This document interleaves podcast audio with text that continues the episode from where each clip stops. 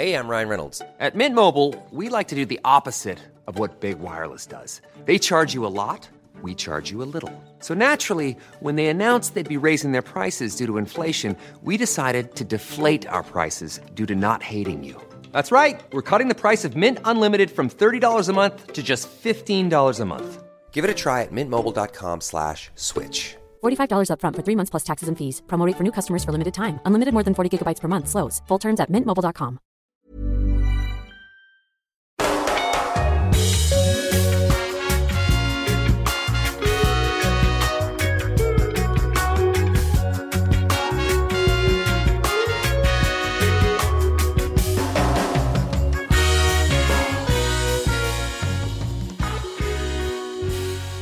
vecka, nytt avsnitt av den damallsvenska podden. Vi sitter på plats i studion igen båda två Makoto, det känns ganska tryggt. Ja, det gör det ju. Det, det är så här det ska vara ändå, tycker jag. Då behöver man inte tänka så mycket på telefonlinjerna, förutom när vi har med oss en gäst. Och vi kan väl börja redan där, för vi har ju faktiskt med oss eh, finbesök idag från Göteborg.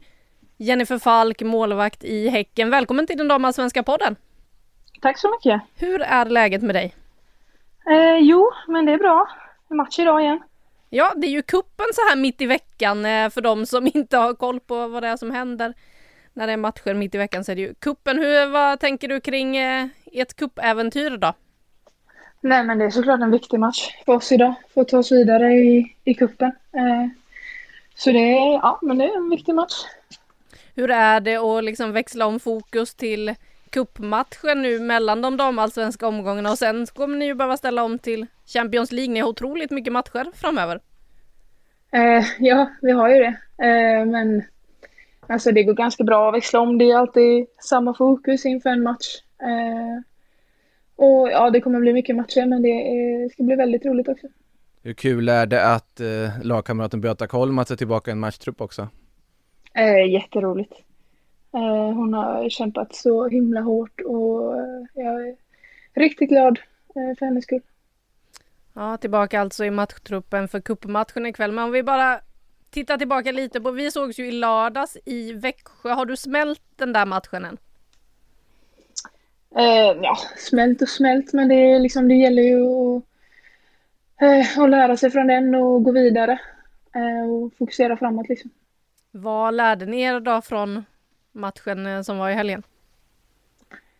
Eh, ja, att eh, vi måste vara lite mer, mer påkopplade och göra allting lite snabbare, lite bättre, lite mer rörelse och, och så.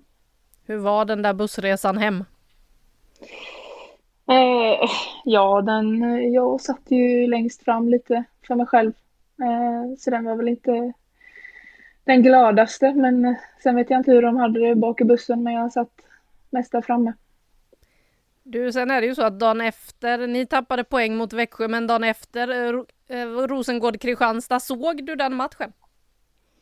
Eh, ja, lite grann eh, på telefonen. Jag höll på med lite annat också.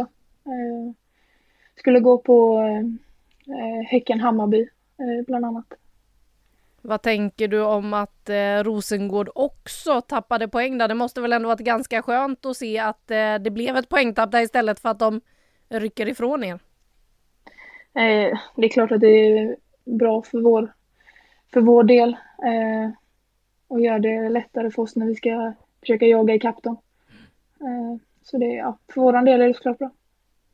Och jaga ikapp, det väntar ju ett eh, stormöte i helgen, en seriefinal när eh, Rosengård kommer till Bravida Arena. Vad tror du om den matchen och är det, att, är det extra spännande att skriva, kliva ut i en sån där match som verkligen är en toppmatch? Eh, ja, det är klart att det eh, Det kommer bli en eh, tuff match eh, och en eh, väldigt rolig match som jag ser fram emot jättemycket. Eh, hoppas det kommer mycket publik också, att det blir bra stämning. Alltså restriktionerna har ju släppt till dess också, alltså på publik just uh, har, vet du hur det är liksom i Häcken, de har gjort någon drive för att verkligen se till att få in fulla läktare till en sån här liksom toppmatch och potentiell guldmatch som det är?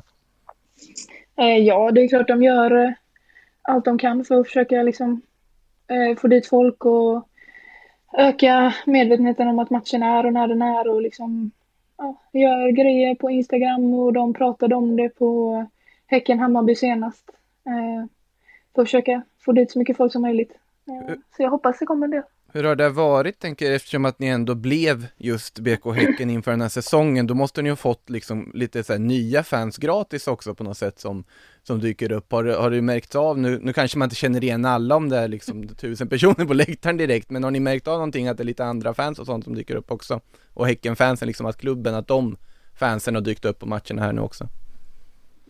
Eh, ja, men det har vi gjort. Eh, framförallt skulle jag säga sen, eh, sen Hammarby-matchen eh, hemma när vi hade, hade en klack där och det var liksom något eh, helt nytt för oss och det var en helt fantastisk känsla.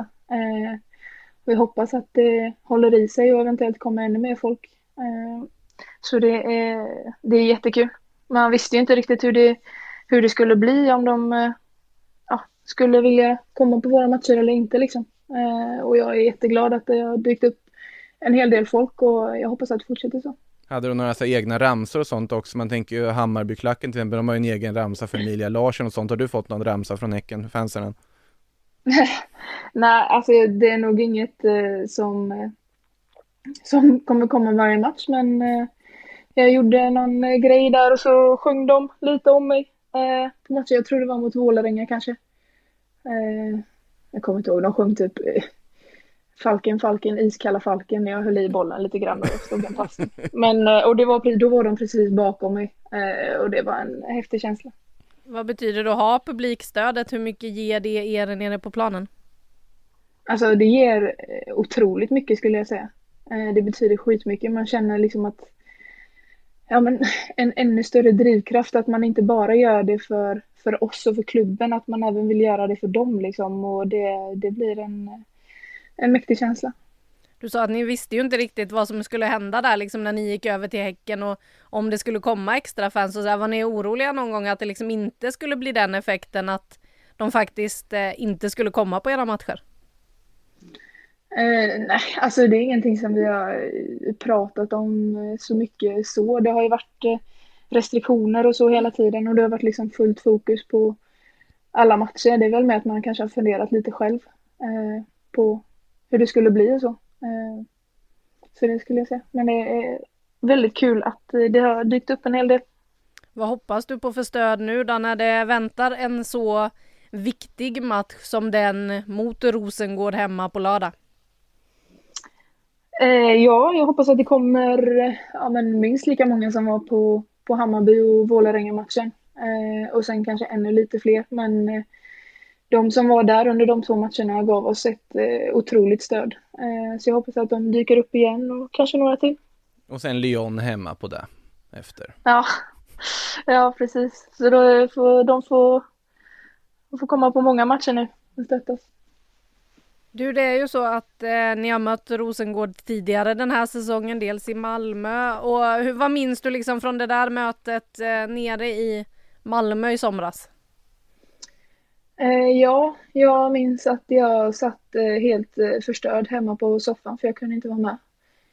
Eh, och hade precis eh, fått en skada i, i knät.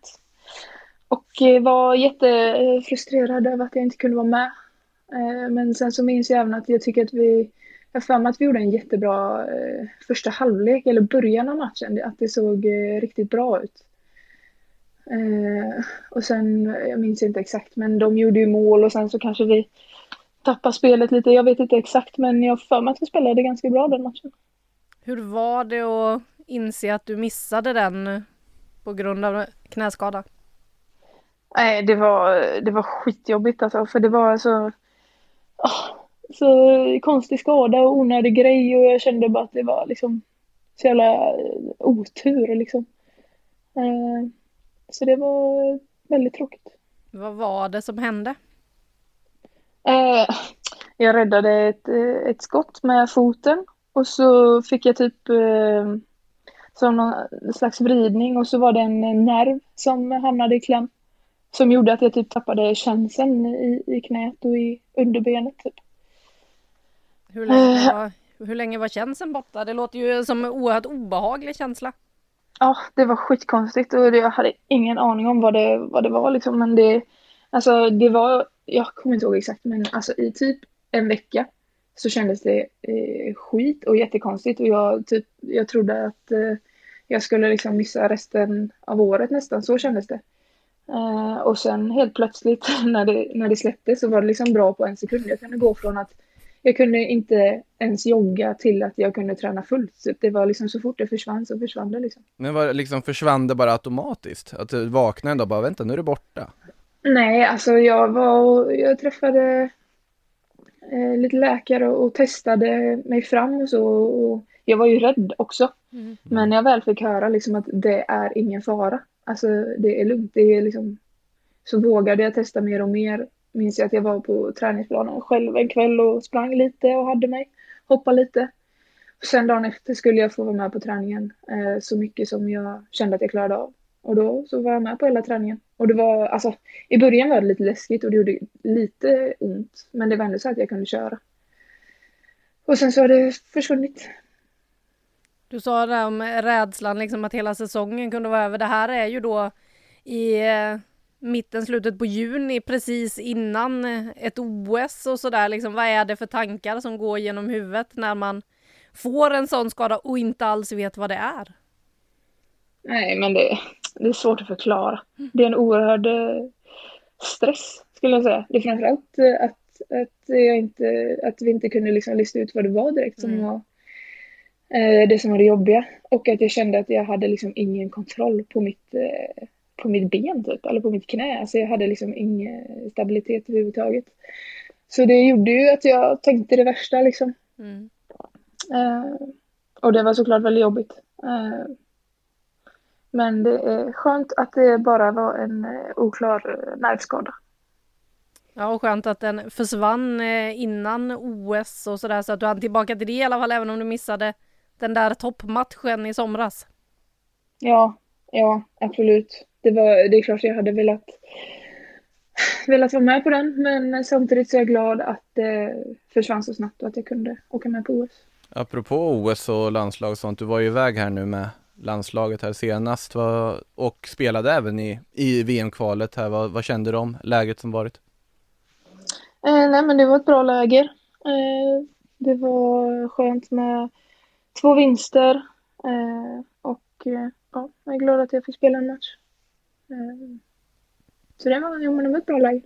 Hur var det att få det beskedet av eh, Peter innan? Det var ju ändå VM-kvalpremiären mot Slovakien där du får chansen mellan stolparna trots då att Hedvig Lindahl finns i truppen för du har ju fått chansen tidigare och sådär men då har det varit att Hedvig har varit borta eller sådär. Nu fanns ju Hedvig med även om hon hade haft lite knäproblem tidigare under veckan så sa ju Peter att hon var också uttagningsbar men att han valde dig. Ja men det är klart att det, att det gjorde mig glad. Jag kände att det hade gått väldigt bra på träningarna i veckan och liksom eh, ja men vad ska man säga, hoppades eller hade hoppet eh, uppe att, liksom, att jag hade en chans att få spela. Eh, så ja, det gjorde mig jätteglad och stolt och kände att jag ville liksom, vad ska man säga, visa att det var ett eh, bra val att låta mig stå den matchen. Vad ger det dig för boost inför eh, hösten som kommer både med då kuppen ikväll, damallsvenskan, Champions League och kommande VM-kval som ju också dyker upp ännu mer under hösten? Men det är klart att det alltid är, det, att det är en boost liksom. Det är alltid kul att, eh, att känna att man presterar på en hög nivå och att det liksom, ja men att, eh, att man kan lita på mig så. Mm. Eh, så det är klart att det ger en boost. Ni har ju mött Rosengård på Bravida Arena också tidigare i just kuppen som ju nu drar igång då en ny omgång här vad minns du från det där mötet på Bravida Arena där ni ju slog ut eh, Rosengård i semifinalen? Eh, ja, det är ganska länge sedan nu, men jag minns att det var, det var en jämn match eh, väldigt länge. Lite målchanser åt båda håll här för mig. Sen fick vi in en boll där ganska sent och lyckades eh, vinna med 1-0. Eh, så det var eh, ett mål vi hade var ju att vinna kuppen och det var en eh, fantastiskt skön känsla att eh, få slå dem på Bravida. Ni, det var ju också lite irriterat på planen där det var någon armbåge och sådär från Rosengårds håll upp på Kurmark tror jag det var som fick ta emot den där armbågen. Hur irriterat blir det i sådana här toppmöten när det står mycket på spel? Nej, men det är klart att det är mycket känslor eh, eh i en sån match. Eh, just den situationen, jag såg inte eh, exakt vad som hände för jag var ganska långt ifrån. Men eh, det är det som gör de här matcherna roligt, att det är mycket känslor, alla vill vinna, det är liksom, ja men, det är så det ska vara. Hur mycket utnyttjar man det där med känslorna? Oj, eh, jag, jag skulle vilja säga att jag är, inte är så bra på det. Eh, men sen så känner jag att jag är så, liksom, inte så mycket bland folk. Eh, men eh, ja, alltså för egen del så är de känslorna som vi har i laget att bara vinna liksom och, och ta, liksom, nyttja det att alla är, är taggade och försöka få alla att vara taggade hela matchen liksom. Sen det här eh, hetset spelare och mellan spelare är jag inte så superdelaktig skulle jag säga. Man tänker liksom en sån här tilltrasslad hörnsituation säger vi liksom du ska stå där du ska plocka in ett inlägg och så kommer nu för inte Sanne Trölsgård med i den här matchen mot er nu är vi avstängt, men låt oss säga någon annan eh, hård före Rosengård-spelare kommer in, eh, liksom med i närheten, då trycker man ändå till lite extra när man går upp och plockar den där bollen liksom, för att det är en sån toppmatch. Ah, nej, alltså det skulle, för, för min del så ligger allt fokus på bara att ta bollen och sen är det oavsett vilken match det är eller vilken spelare det är så, mm. så trycker jag alltid till lite grann för att komma fram liksom. Eh, så just i den en sån situation så skulle jag säga att allt mitt fokus ligger på bollen. Och nu lär det ju bli en del tajta tuffa dueller i den här matchen. Eh, det lär vara två revanschsugna lag med tanke på hur det gick i helgen. Eh, hur mycket kan ni ta med er som tändvätska det liksom som ni fick med er från Växjö i helgen? Eh, jo, men vi kan ju ändå ta med oss att vi liksom, från, just från den matchen, att liksom, vi kan mycket bättre. Och det kommer krävas eh, mycket mer av oss om vi ska kunna slå Rosengård. Eh, så det hoppas jag att vi tar med oss allihopa och att eh, det ger oss en tändvätska till matchen. Att visa, liksom, visa att vi kan bättre. Liksom. Till skillnad från Rosengård så klarade ni ju ganska helskinnade i alla fall ur den där matchen för Sommarkåt och säger Sanne Trölsgård är avstängd i Rosengård. Jelena Cankovic blev utburen på bår. Vad betyder sådana karaktärsspelare och vad liksom, hur stor försvagning är det för Rosengård skulle du säga att varken Trölsgård eller Cankovic ser ut att vara med på lördag? Eh, alltså det är klart att de två är två viktiga spelare för Rosengård. Eh, och, eh, men de har så otroligt många bra spelare eh, i sitt lag. Eh, så det är svårt att säga nu hur mycket det kommer påverka, men det är klart att de, de brukar starta och de är väldigt duktiga, men sen så tror jag att de har eh, många bra andra som kan komma in och göra jobbet också. Vad vill du se från er sida när ni kliver ut på Bravida på lördag? Eh, att vi går ut och gör allting 100 procent. Alltså löpningar, dueller, allting. Att vi inte lämnar någonting åt slumpen utan att vi ska göra allt vi kan för att vinna den här matchen. Så hur ska du ladda i veckan? Det är cupmatch ikväll och sen eh, så är det några dagar kvar till den där matchen. Vad, vad gör du den här veckan? Eh, ja, ja det är match ikväll. Sen så har vi ju lite träningar i veckan. Sen ska jag väl eh, plocka lite sten i trädgården och sånt där. Kanske måla någonting, jag vet inte. Pilla på huset lite. Ja, det finns lite att sysselsätta dig med vid sidan om planen också. Ja, Ja, jag har en hel del att med. du, härligt. Vi tackar så hemskt mycket för att du hade lite tid att vara med här i den Damallsvenska podden också. Ja, tack så mycket själva. Jennifer, Jennifer Falk alltså där, målvakt i BK Häcken som spelade 1-1 mot Växjö i helgen som var. Ja, precis. De eh, spelade ju 1-1 och det var väl lite överraskande får man ju säga eh, med tanke på att Växjö knappt kan göra mål vanligtvis och att Häcken har sett ut som en liksom, ja, lagmaskin på alla sätt och vis. Eh, det är liksom det första som står i mitt körschema här. Växjö har gjort mål. Ja, det står lite kvar sen förra. Ja, men, men vi, ja. det är ju liksom det är fortfarande liksom en grej varje gång Växjö gör mål. Jag höll på att kalla det miljövänligt att du använder samma papper och så inser jag att vi kör ju digitalt nu. Ja, det, det är en dator framför mig. Men ja, Växjö gjorde mål, Juliet Kempi som slår till där, det var ju Jennifer Falk som inte kom helt rätt ut i den där situationen, ganska stökig. Kanske inte bara ska titta på boll och kanske skulle plockat någon på sidan av för att få, ja. Det är ju Och- lagkamrat framförallt som står i vägen Ja, då för kanske att få komma inte, fram. ja då det kanske det är bollen som eh, var Stine Larsen som står i ner Stine vägen. Larsen på vägen. Nej men Kempi sätter den där kvitteringen där då, fantastiskt mål av Blackstenius innan det, måste ju sägas också, helt enormt avslut där, de firar ju knappt heller. Det, det säger ju också en del om hur de ser på Växjö som motstånd, att ja men det här ska bara avverkas. Det är inte någon så här superglädje på Blackstenius fast de har gjort ett av årets mål. Eh, ungefär som att det här är en dag på jobbet och lite så kanske det var att det kan ha funnits en liten, liten, liten uns av underskattning här. Det kan det nog ha gjort och eh, samtidigt, jag pratade med Filippa Kurmark precis innan Mm. matchen. Eh, för jag var ju på plats i Växjö och såg den här. Och hon var inne på att alla kom med sån himla härlig energi nu efter landslagsuppehållet och sådär, att alla hade tagit det väldigt bra, för vi har ju diskuterat det några gånger, liksom hur hanterar lagen att framförallt kanske då Häcken och Rosengård som verkligen har i princip alla spelare som är ordinarie i olika landslag och väg på olika då uppgifter. Eh, hur hanterar man perioden efter ett landslagsuppehåll? Det var ju efter ett sånt som Rosengård tappade greppet om guldet i fjol.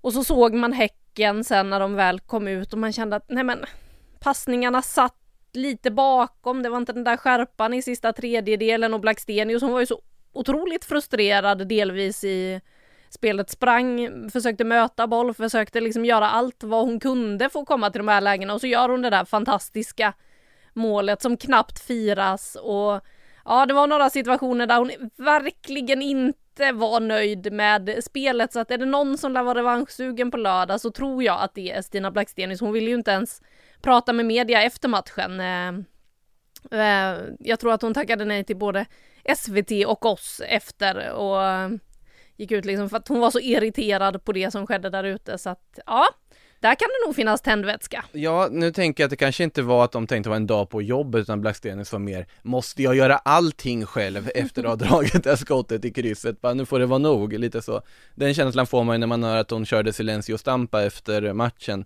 men det säger ju också en del om frustrationen att de vet ju vilket läge det var för dem. Eller de visste inte då vilket läge det skulle bli Men att poängtappet där och då kändes det väl som att nu är guldet kört.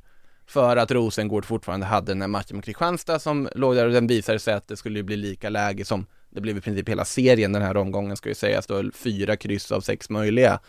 Eh, och fortfarande då läge att ändå ge Rosengård en kamp, men då måste de vinna men det är ju intressant just där att det är efter landslagsuppehållet att både Rosengård och Häcken åker på plumpar i protokollet det är lag som tappar toppmötet som kommer nu de kommer, där kan man ju kalla att det är svacka på att de har två raka matcher utan seger, för så pass det räcker för att vara en svacka för de två lagen skulle jag säga.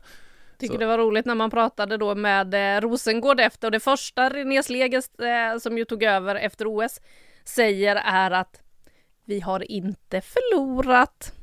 Det är fortfarande en nolla i förlustprotokoll eller i förlustkolumnen där. Där finns det ingenting än utan Ja, vi tappar två poäng. Vi har fortfarande inte förlorat. Vi har fortfarande inte förlorat. Så det verkar vara någonting som eh, Rosengård pratar väldigt mycket om att man ska inte förlora, man måste tänka på att man fick med sig en poäng. De vet ju att Kristianstad är ett tufft lag att möta. Jag tror att det är de fyra senaste åren i Malmö så har Rosengård faktiskt inte besegrat Kristianstad. Antingen så har det blivit oavgjort eller så har Kristianstad rent av vunnit matcherna på Malmö IP. Så att för Rosengårds del så visste man ju kanske lite vad som väntade där. Sen det som kanske är ännu tyngre för Rosengård är ju det som vi var inne på med Jennifer Falk här. Sanne Trölsgård drar på sig sin tredje varning. Man kan säga att hon svor ganska högt över det efter matchen när jag kollade med henne sådär. Jag bara, det var din tredje varning va?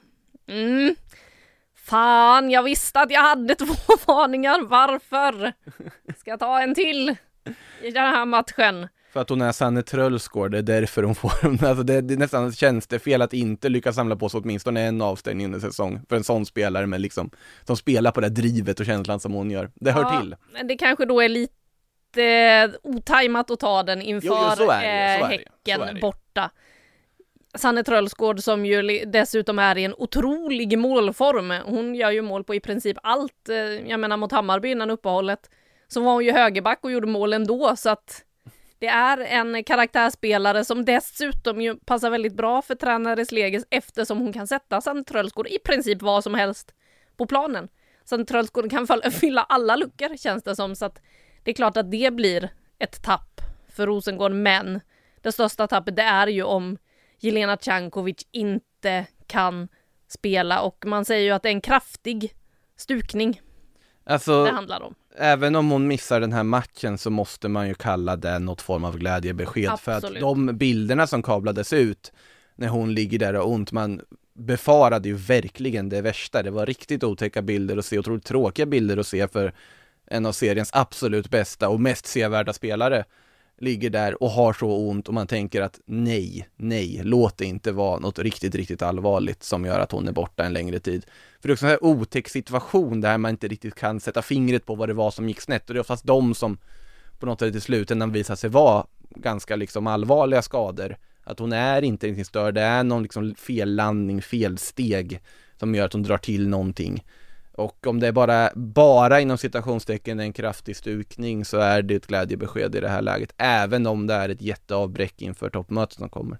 Så är det ju och eh, det var ju i princip det alla trodde när man såg bilderna. Folk som var på plats sa ju det att man kände ju bara där rök hälsenan på Cankovic. Det var ju de, det som var de första tankarna när man ser henne komma i den löpningen. Så ostörd som hon är. Och så känns det som att det är någonting som bara smäller till och hon tar sig direkt mot bakre delen av foten. Förmodligen så är det väl så att reaktionen, alltså det lär ju göra rejält ont på henne. Men reaktionen kanske också kommer lite av att det är en spelare som inte är så skadebenägen normalt sett. Hon vet inte riktigt hur det känns när man skadar sig rejält. Ligger någonting i det verkligen? Att hon kanske liksom själv tror att helvete nu är det kört. Lite som Jennifer var inne på innan med att liksom när man inte vet vad som händer då tänker man det värsta. Och jag menar då med adrenalinpåslaget med att känna att okej det här gör så förbannat ont, jag vet inte vad jag ska ta vägen. Så kommer alla de här känslorna som gör att det kanske då förhoppningsvis såg mycket värre ut än vad det faktiskt var. Så att vi hoppas ju att vi kommer få se Cankovic mer den här säsongen. Hade det varit hälsenan så hade det ju varit en oerhört lång rehab. Ja, och också skrivit på ett nytt, alltså långtidskontrakt med Rosengård, har en så pass viktig roll där, har otroligt många fina år framför sig. Det är ju, man blir väldigt glad att höra att det var en stukning som sagt.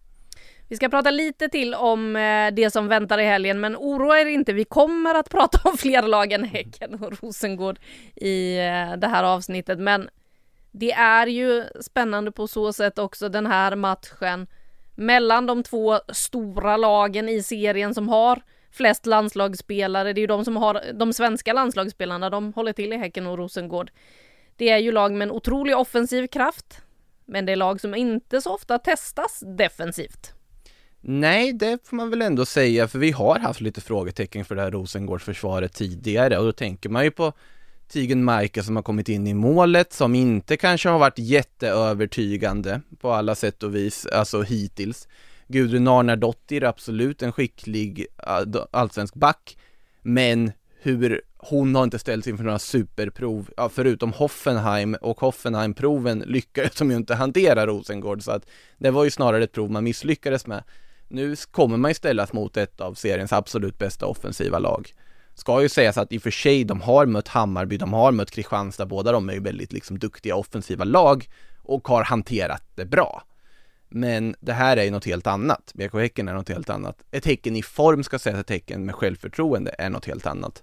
Så det skulle bli väldigt spännande att se, för om man är BK Häcken i det här läget ska försöka få med sig en seger, då ska man ju stilstudera hur ska vi utnyttja det här Rosengårdsförsvaret, ställa dem inför tuffast möjliga situationer under matchens gång, utnyttja deras svagheter.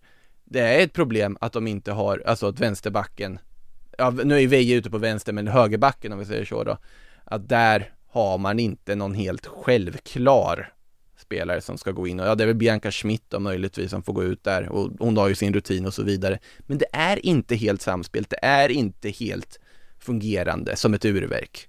Och där tycker jag ändå att Häcken har en fördel för att deras liksom lag på något sätt, på de positionerna är ju mer samspelt och mer liksom välkomna och har fått jobba till, tillsammans längre tid. Och det ska man inte underskatta med ett försvar, att få tid tillsammans, få de här timmarna på träningsplanen tillsammans och sätta och förstå varandra.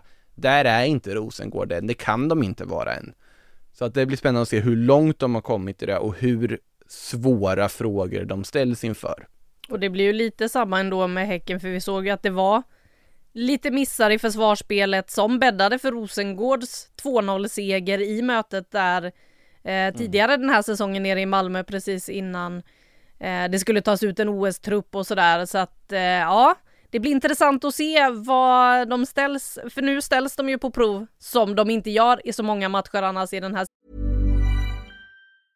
When you're ready to pop the question, the last thing you want to do is second guess the ring. At Bluenile.com, you can design a one of a kind ring with the ease and convenience of shopping online. Choose your diamond and setting. When you find the one, you'll get it delivered right to your door. Go to Bluenile.com and use promo code LISTEN to get $50 off your purchase of $500 or more. That's code LISTEN at Bluenile.com for $50 off your purchase. Bluenile.com code LISTEN. Serien. Ja, sen tycker jag ändå det tyngsta tappet för Rosengård, eller det största orosmomentet, det är att Jelena Cankovic med största sannolikhet saknas. Och Sanne Trölsgård naturligtvis, men just Cankovic har ju varit spelaren som kan luckra upp försvar, det är hon som allting offensivt går igenom. Ja, du har Caroline Seger som kan diktera tempo och liksom vinna boll på mitten och styra ett mittfält och kommer lyckas göra det även mot Häcken. Det är jag helt övertygad om att hon kommer göra en jättebra match där också, för hon är alltid bra. Men utöver det, vem ska, ja Ria Öling naturligtvis kommer få en jätteviktig roll när hon då sannolikt kommer få bära ett mycket större kreativt ansvar än vad hon brukar göra annars då. Det är oftast där bollen ska till Cankovic, Cankovic ska hitta en lucka, sen kommer Olivia Skog som en ångvält liksom på vänsterkanten in och, och bombar in ett skott eller vad det nu är för någonting, eller Sanne Trölsgård som vinner högt och så vidare, eller ja, nu saknar man väl Mimmi Larsson dessutom också som är skadad och det är ju också ett avbräck. Loretta Kulashi klev av, även om det inte verkar vara så allvarligt som jag förstod det så klev hon ändå av i förra matchen, det var inte så länge sedan.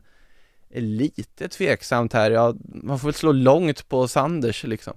I värsta Ja, fall. de har lite att fundera på och har ju också då en kuppmatch. eh, Det är ju så för eh, lagen den här veckan att det är en kuppmatch mitt i veckan. Borgeby är det för Rosengårds del eh, som väntar. Så att det kanske inte är den tuffaste. Det finns ju de som har tuffare kuppmatcher Nu ska du inte vänta. såga Borgeby här, det, Nej men jag tänker mer på kanske Växjö som då ligger sist i damallsvenskan som möter IFK Kalmar i kuppen som är på väg upp i damallsvenskan. Det, det kan bli en tuffare Ja men om vi lägger det på den nivån, absolut. Ja då, då utan tvekan så är IFK Kalmar en svårare nöt att knäcka. Ja, men vi ser. Det är det verkligen. eh, Vilka som är bäst i Småland, det blir intressant att se. Men eh, till helgen alltså så laddar vi för eh, det som Olivia Skog beskrev som att eh, det kommer bli en jävla match. Det laddar vi för. eh, Och eh, en halvtimme innan avspark så drar vi igång studion också från Bravida Arena så att eh, se till att bänka er 30 minuter innan så ska ni få allt inför den där matchen om ni inte känner att ni redan har fått det. Vi kommer förmodligen veta mer om skadeläge och så i alla fall när det väl närmar sig. Det lär vara värt att sätta sig den där halvtimmen innan oavsett skulle om man jag absolut säga. Eller inte, så kan vi säga. Ja, med det så lämnar vi Häcken Rosengård, den stundande seriefinalen. Men ska vi säga något om Kristianstad? Ja, Ja. det Alltså, kan vi göra innan vi går vidare. det tycker jag ändå vi ska göra, för jag tycker att det är ett väldigt styrkebesked av dem att ändå åka till Malmö och ta den här poängen, för vi har haft lite frågetecken kring Kristianstad om hur, hur bra är de egentligen i år? De visar ju här ändå med den här poängen, med tanke på också hur andra resultat gick under den här omgången, att ja men vi är fortsatt med i kampen, den här Champions League-platsen, de börjar nästan segla upp som en av de kanske starkare kandidaterna till att till och med faktiskt ta den. Eh, och det är ju på grund av att de använder sig av vissa anfallsalternativ man kanske pratar lite för lite om.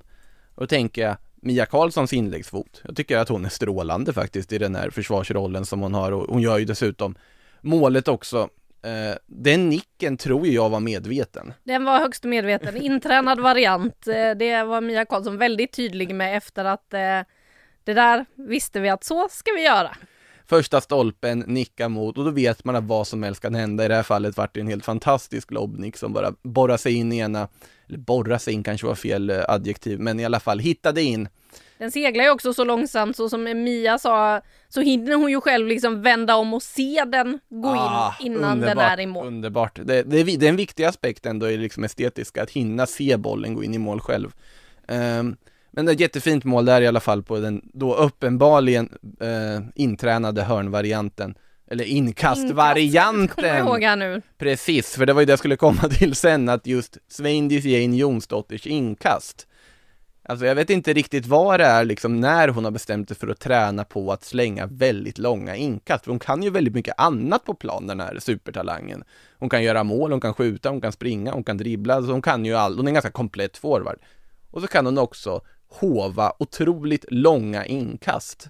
Som, som jag, det, det, är ju ett vapen i sig och det var ju ett vapen, det var ju här de skapade mycket av sådana här lägen också. Bland annat det som jag felaktigt kallade en hörna precis, men det är ju för att de är, det är ju som inlägg. Ja. Absolut. Hon, hon tar bollen, tar ofta en ny boll alltid också. Ja.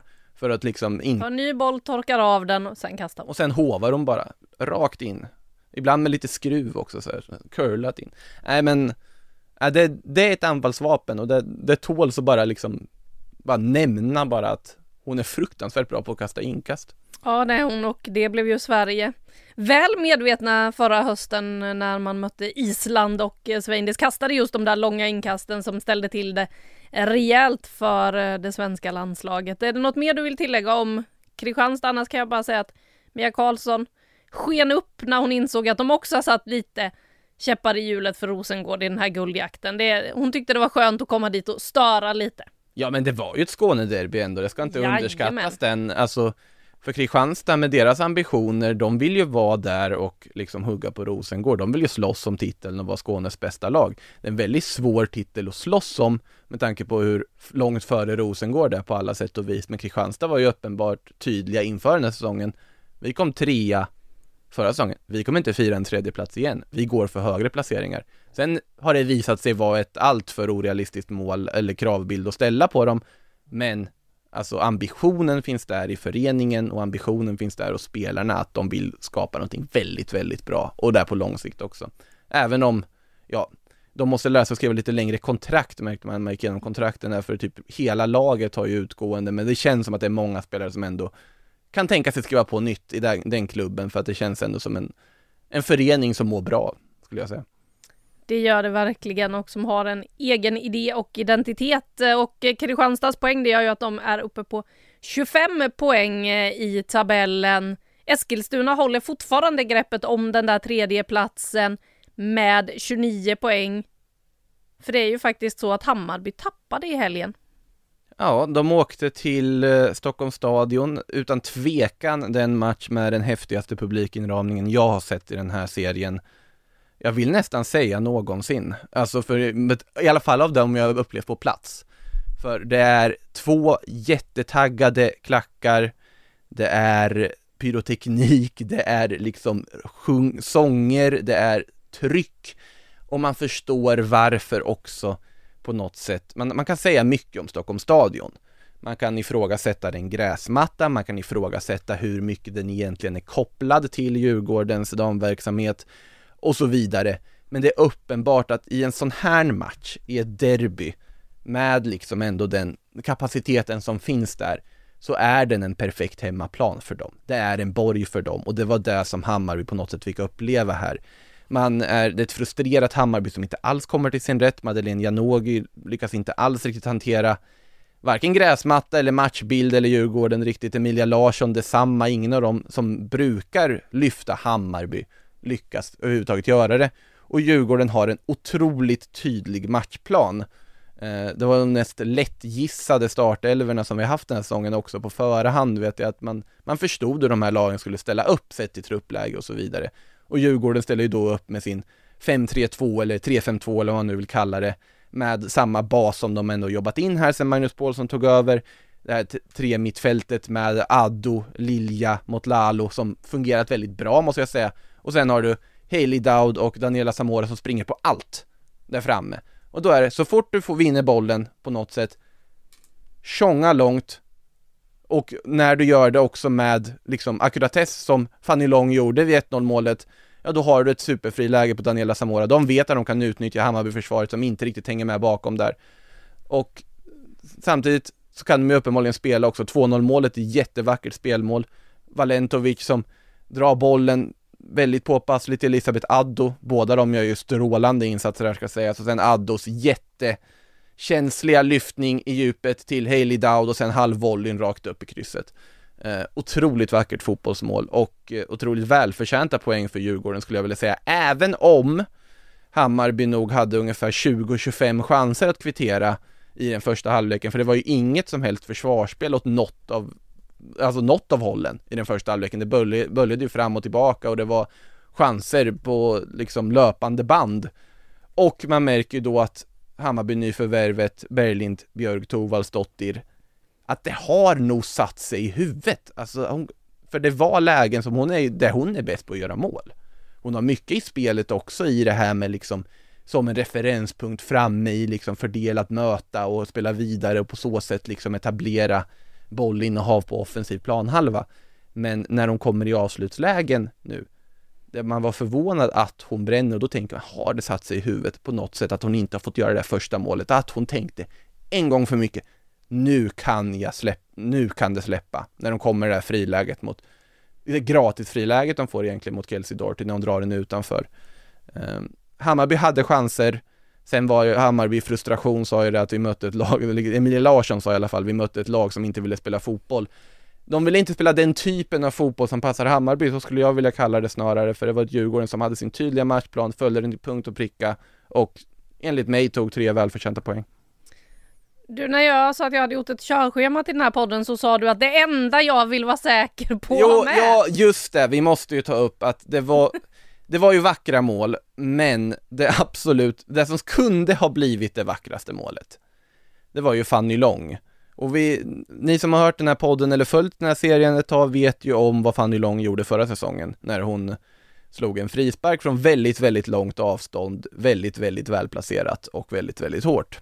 Som också blev utsatt till årets mål i fjol. Ja. ja, ut, och det var ju inte ens nära att något annat mål skulle väl slå det här målet, för det var ju ett helt galet frisparksmål, som man också fick uppleva live ska sägas på stadion, eh, otroligt vackert sådant. Men, då, dyk, då kommer det en hörna, där Fanny Long då eh, bestämmer sig för att försöka cykelsparka. Och gör det dessutom väldigt bra och drar den i ribban och såklart så frågade vi Fanny Long, eller rättare jag frågade Fanny Long här efter matchen om ja, vad som låg bakom, om det där cykelsparksmålet verkligen hade kunnat övertrumfa den där eh, långa frisparken. Innan vi kommer in på liksom derbysegern och allt det alltså cykelsparkförsöket. Det bästa är att jag inte ens skulle vara där. Jag, Magnus pratade med mig en sekund innan och skulle flytta på mig. Men jag tänkte att här ska jag stå och sen, eh, ja. Det var, det var nära men inte närmare än så. Men det var medvetet att sätta den mot mål? Ja, ja, ja. Det hade, hade, hade, det slagit, alltså jag blev ju helt liksom ställd som kommentator liksom, vad, vad hände precis där liksom? Men alltså hade det slagit långskottet om den hade suttit? Nej, hade den? Jag vet inte, kanske. Nästan? Ja, nästan. Nära. Ja, det var alltså Fanny Long om, eh, det, alltså det där cykelsparkförsöket som uppenbarligen var helt medvetet med tanke på, ja, reaktionen på när man frågade det. Men det hade kunnat bli någonting alldeles extra det målet. Det var det jag skulle ta upp. Ja, eh, Fanny Long vet ju hur man gör snygga mål, det har vi som sagt sett. Med det så lämnar vi Stockholmsderbyt nu då och eh, tar oss vidare till de som har varit argast i helgen. Och det är såklart Piteå. Jenny Nordin, Stellan Karlsson, fullständigt vansinniga efter att ha fått en straff emot sig mot Vittsjö och eh, jag såg den för första gången för en liten stund sedan eftersom jag har varit nere och ute på matcher den här helgen. Um, alltså det, jag... Vad är det som händer? Ja men alltså det är, en, det är en väldigt intressant debatt som har blossat upp på Twitter efter det här, för att det här har ju engagerat många. Det var ju Jenny Nordin själv som la upp klippet på den här straffsituationen där hon liksom frågar sig nivån, vad, vad är det för nivå? Inte ens fråga sig, bara nivån, punkt. Ja, det, det är väl att ja. fråga sig. Ja, det här är nivån liksom. På ett, något ironiskt sätt. Eh, men det intressanta är att det är väldigt delade läger. Alltså de flesta är överens om att det här, nej men det där är väl ingen straff. Ganska enkelt. Och jag, jag vill ju sålla mig till den kategorin, men Finns, sen finns det vissa som tycker att det där är ju regelboksmässigt en straff för att det är uppenbart att spelaren går och plockar motståndarspelaren utan någon form av intention att ta bollen bara för att blockera och en sån situation som mycket väl skulle rendera i en frispark ute på planen. Men det ska ju också till någonting alldeles extra tycker jag i straffområdet i sånt läge när det är uppenbart att Nicole Persson kommer hinna först och ta den här bollen. Tycker jag till att börja med i den situationen. Att det ska inte räcka med att göra en sån liten knuff. Man kan bedöma det som liksom axel mot axel som liksom eh, man, domarna brukar säga när man spelade korpfotboll liksom ibland och man vill ha en frispark själv i en sån situation. Eh, nej, den är otroligt billig. Den är otroligt billig. Sen är det klumpigt att gå in så otroligt tydligt på bara spelare i den situationen utan någon intention att ta bollen ut, med bara intention att stoppa spelaren. Det måste jag säga. Men såklart att det är en väldigt, väldigt hård dömd straff. Sen om den ska vara skäl nog att börja ifrågasätta hela sättet man utnämner domare på till damallsvenska matcher och liksom hela domarkårens nivå det ska låta så osagt. Den diskussionen kan man ta oavsett, absolut. Det tycker jag ju ändå är en diskussion. Det är absolut en diskussion oavsett, men... dömer två dagar i rad, vilket ja. Stellan Karlsson då påpekade väldigt tydligt efter matchen att eh, det här hände i slutet, domaren har dömt två matcher i rad. Hade det hänt i herrallsvenskan? Nej, det är klart det inte hade. Och eh, då för, jag förstår upprördheten och vi var ju inne på det redan i början av säsongen lite kring domarnivån och hur läget är för domarna i den här serien. För det är ju så att eh, ersättningarna är mycket lägre till exempel för att döma i damallsvenskan än för herrallsvenskan. De har inte samma förutsättningar. Det finns inte domarcoacher på samma sätt som det finns för domarna som dömer i herrarnas högsta serie. Det finns en del där för förbundet att jobba på, uppenbarligen. Till exempel en så enkel grej som att de inte ska behöva döma två dagar i rad för att det är klart att det tar på krafterna, att och, man blir trött. Och framförallt inte döma den andra dagen, döma en bortamatch i Piteå. Det är ju en bit att resa. Ja, det beror ju på, på den första matchen ja. det ska sägas också, det kan ju varit någonting i en annan serie i närheten, det ska, det vet jag inte, det ska låta vara osagt i det här fallet, men såklart det är så, det ska ju vara, om du är domare till en match på elitnivå, då ska det vara du ska få all inclusive betalt av förbundet, du ska ha en väldigt trevlig vistelse i den stan som du åker till och sen ska du få gå ut och göra ditt absolut bästa jobb och få de absolut bästa förberedelserna du kan få för att leverera på samma sätt som spelarna. Så att, nej det, det är ett jätteproblem. Sen tycker jag inte att, alltså det är en otroligt billig straff, den är väl nästintill horribel, men jag ser varför den tas. Om vi säger så. Ja men det kan man väl göra med många och säga att ja, ja jag förstår att domaren tar den men Jo men regelboksmässigt är det ju en straff. Ja. Det är det, regelboksmässigt är det en straff men däremot om vi följer regelboken till punkt och pricka i varje situation då får vi inte mycket fotboll kvar. Eh, nej. Och det är det jag menar med att såklart jag inte tycker det ska vara straff men att det finns ändå en aspekt att det är fortfarande ett klumpigt agerande. Tycker jag. Ja. Med det så stänger vi den diskussionen för idag. Det låter som att du inte håller med mig. Eh, det är korrekt. Eller det syns att du eh, inte håller med mig. jag läser också i mitt eh, skrivna körschema här vad vi ska ta vägen. Eh, nej men domarnivån och eh, förutsättningarna kommer vi säkert att diskutera även framöver för nu går vi ju in i den delen av säsongen där allting blir lite viktigare för det är mer som står på spel i varje match.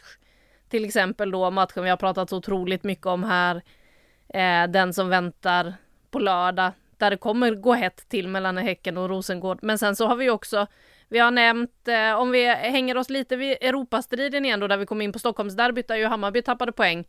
Eskilstuna spelade 0-0 mot Linköping. Det är två lag där då, som gör att Eskilstuna fortfarande har greppet om tredjeplatsen, men Linköping hade ju chansen att faktiskt haka på. Med eh, betoning på hade, för den försvann ju precis här.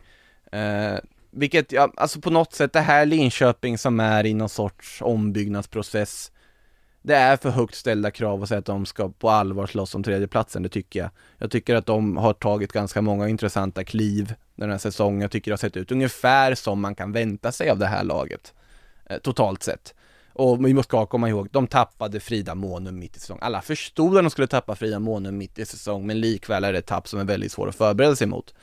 Eh, med det sagt så var ju ändå Jukka Momiki gjorde väl en av sina bättre matcher sedan de kom hit, eh, väl, stod för väldigt mycket kreativitet och mycket liksom finurlighet och gjorde livet surt för Eskilstuna-försvaret, måste vara inte tillräckligt surt för att de skulle släppa in ett mål.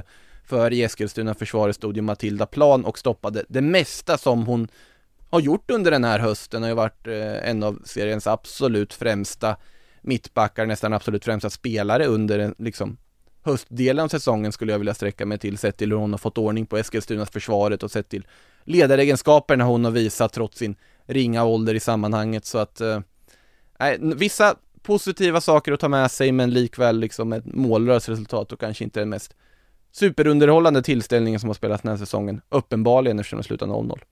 Nej, och eh, det innebär ju då att det är Eskilstuna på tredje plats med 29 poäng följda av Kristianstad på 25 och Hammarby på 24 så att eh, vi får väl se vad som händer i nästa omgång eller om Eskilstuna ska kunna knipa ännu hårdare om den där Champions League-kvalbiljetten. Eskilstuna har ju en match mot Djurgården att se fram emot och eh, den kommer ju bli speciell på många sätt och vis. Dels så var ju Eskilstuna rejält förbannade efter matchen i Stockholm på sin egen insats där man ju faktiskt eh, förlorade.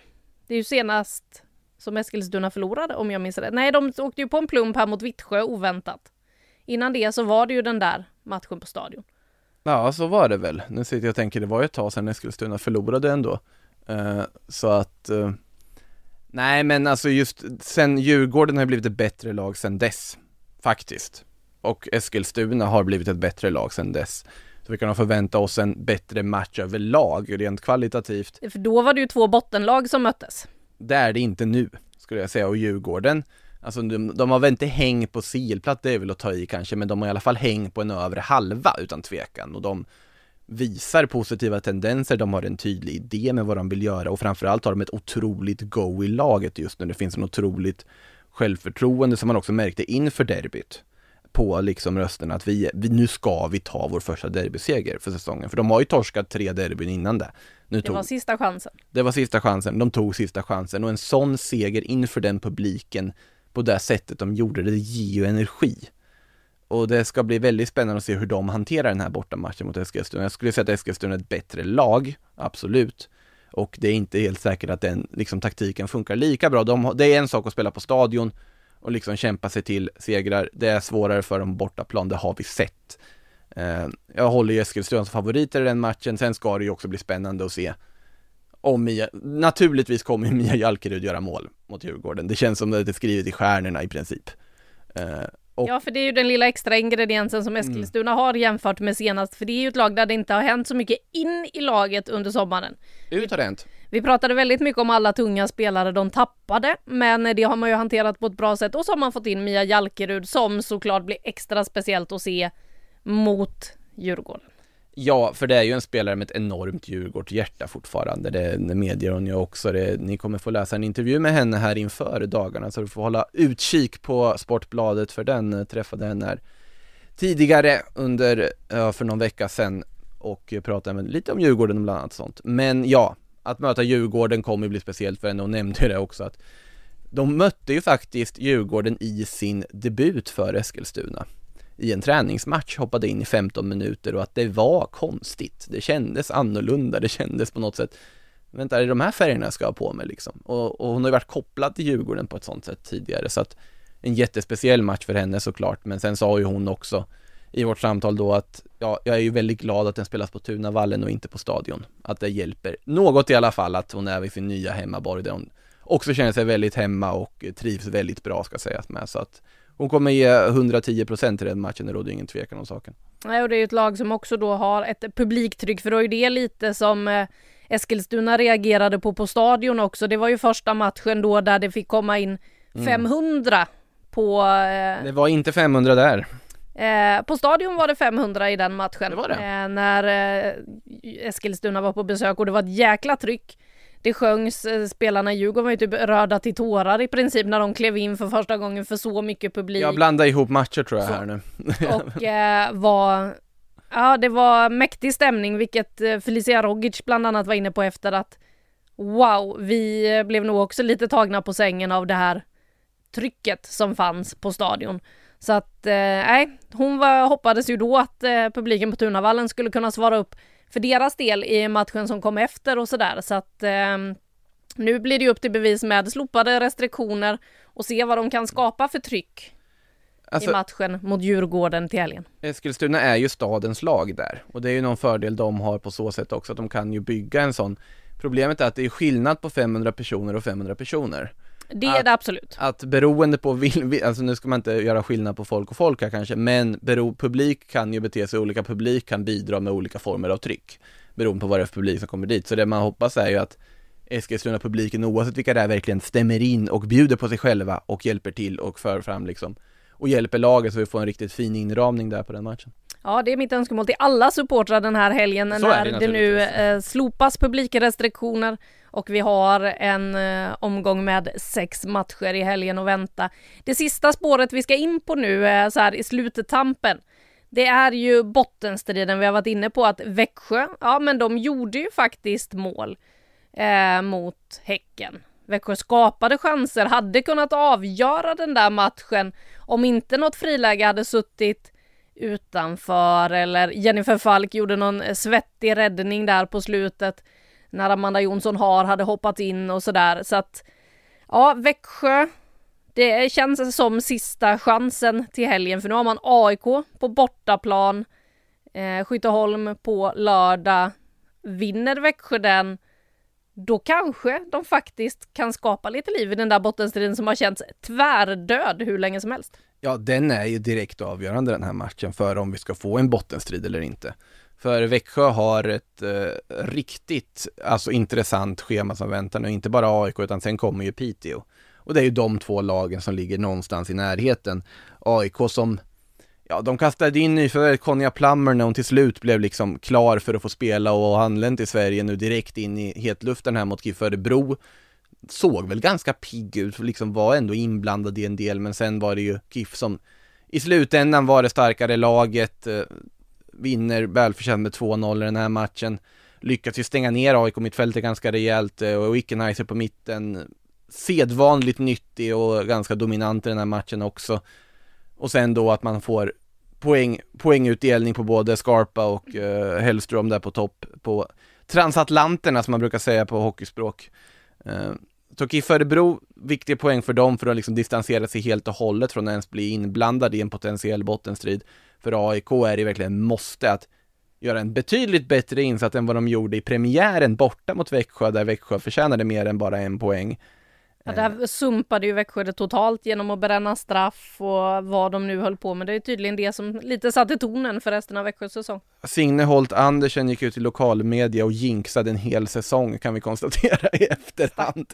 Ja, äh, inget ont menat, men det var ju ändå liksom, jag missar aldrig straffar och så brände hon ju såklart straff.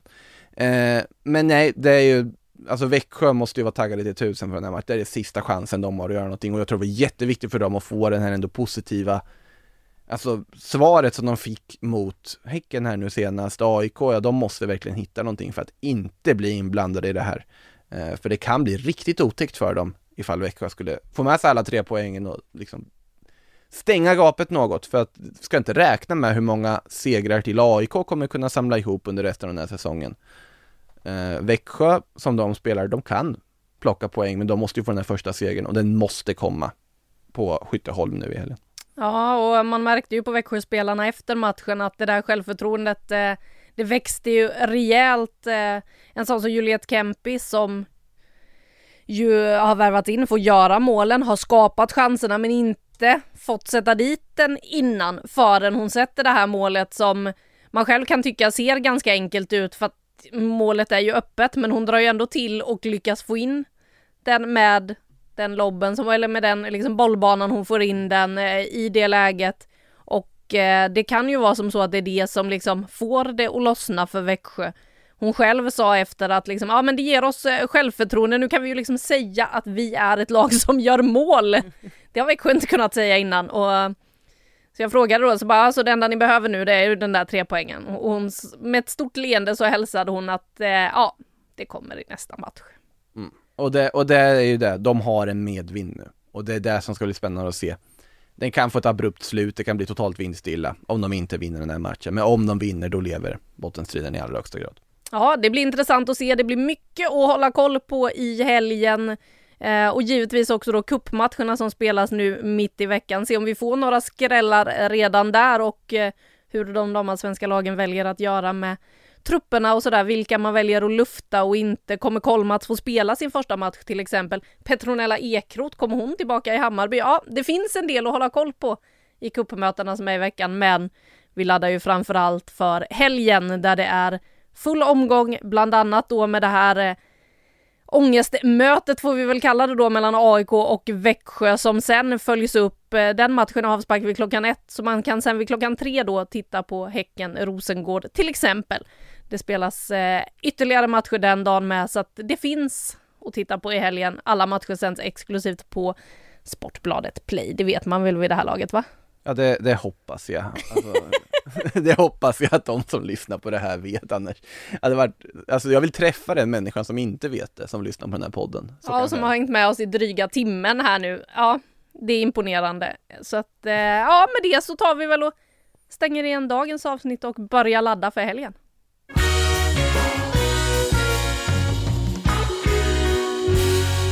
Du har lyssnat på en podcast från Aftonbladet.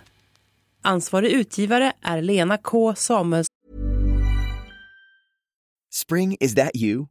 Warmer temps mean new Albert styles. Meet the new Superlight collection, the lightest ever shoes from Allbirds, now in fresh colors. These must have travel shoes have a lighter than air feel and barely there fit that made them the most packable shoes ever. Plus, they're comfy right out of the box. That means more comfort and less baggage. Experience how Allbirds is redefining comfort. Visit allbirds.com and use code SUPER24 for a free pair of socks with a purchase of $48 or more. That's allbirds.com code super24.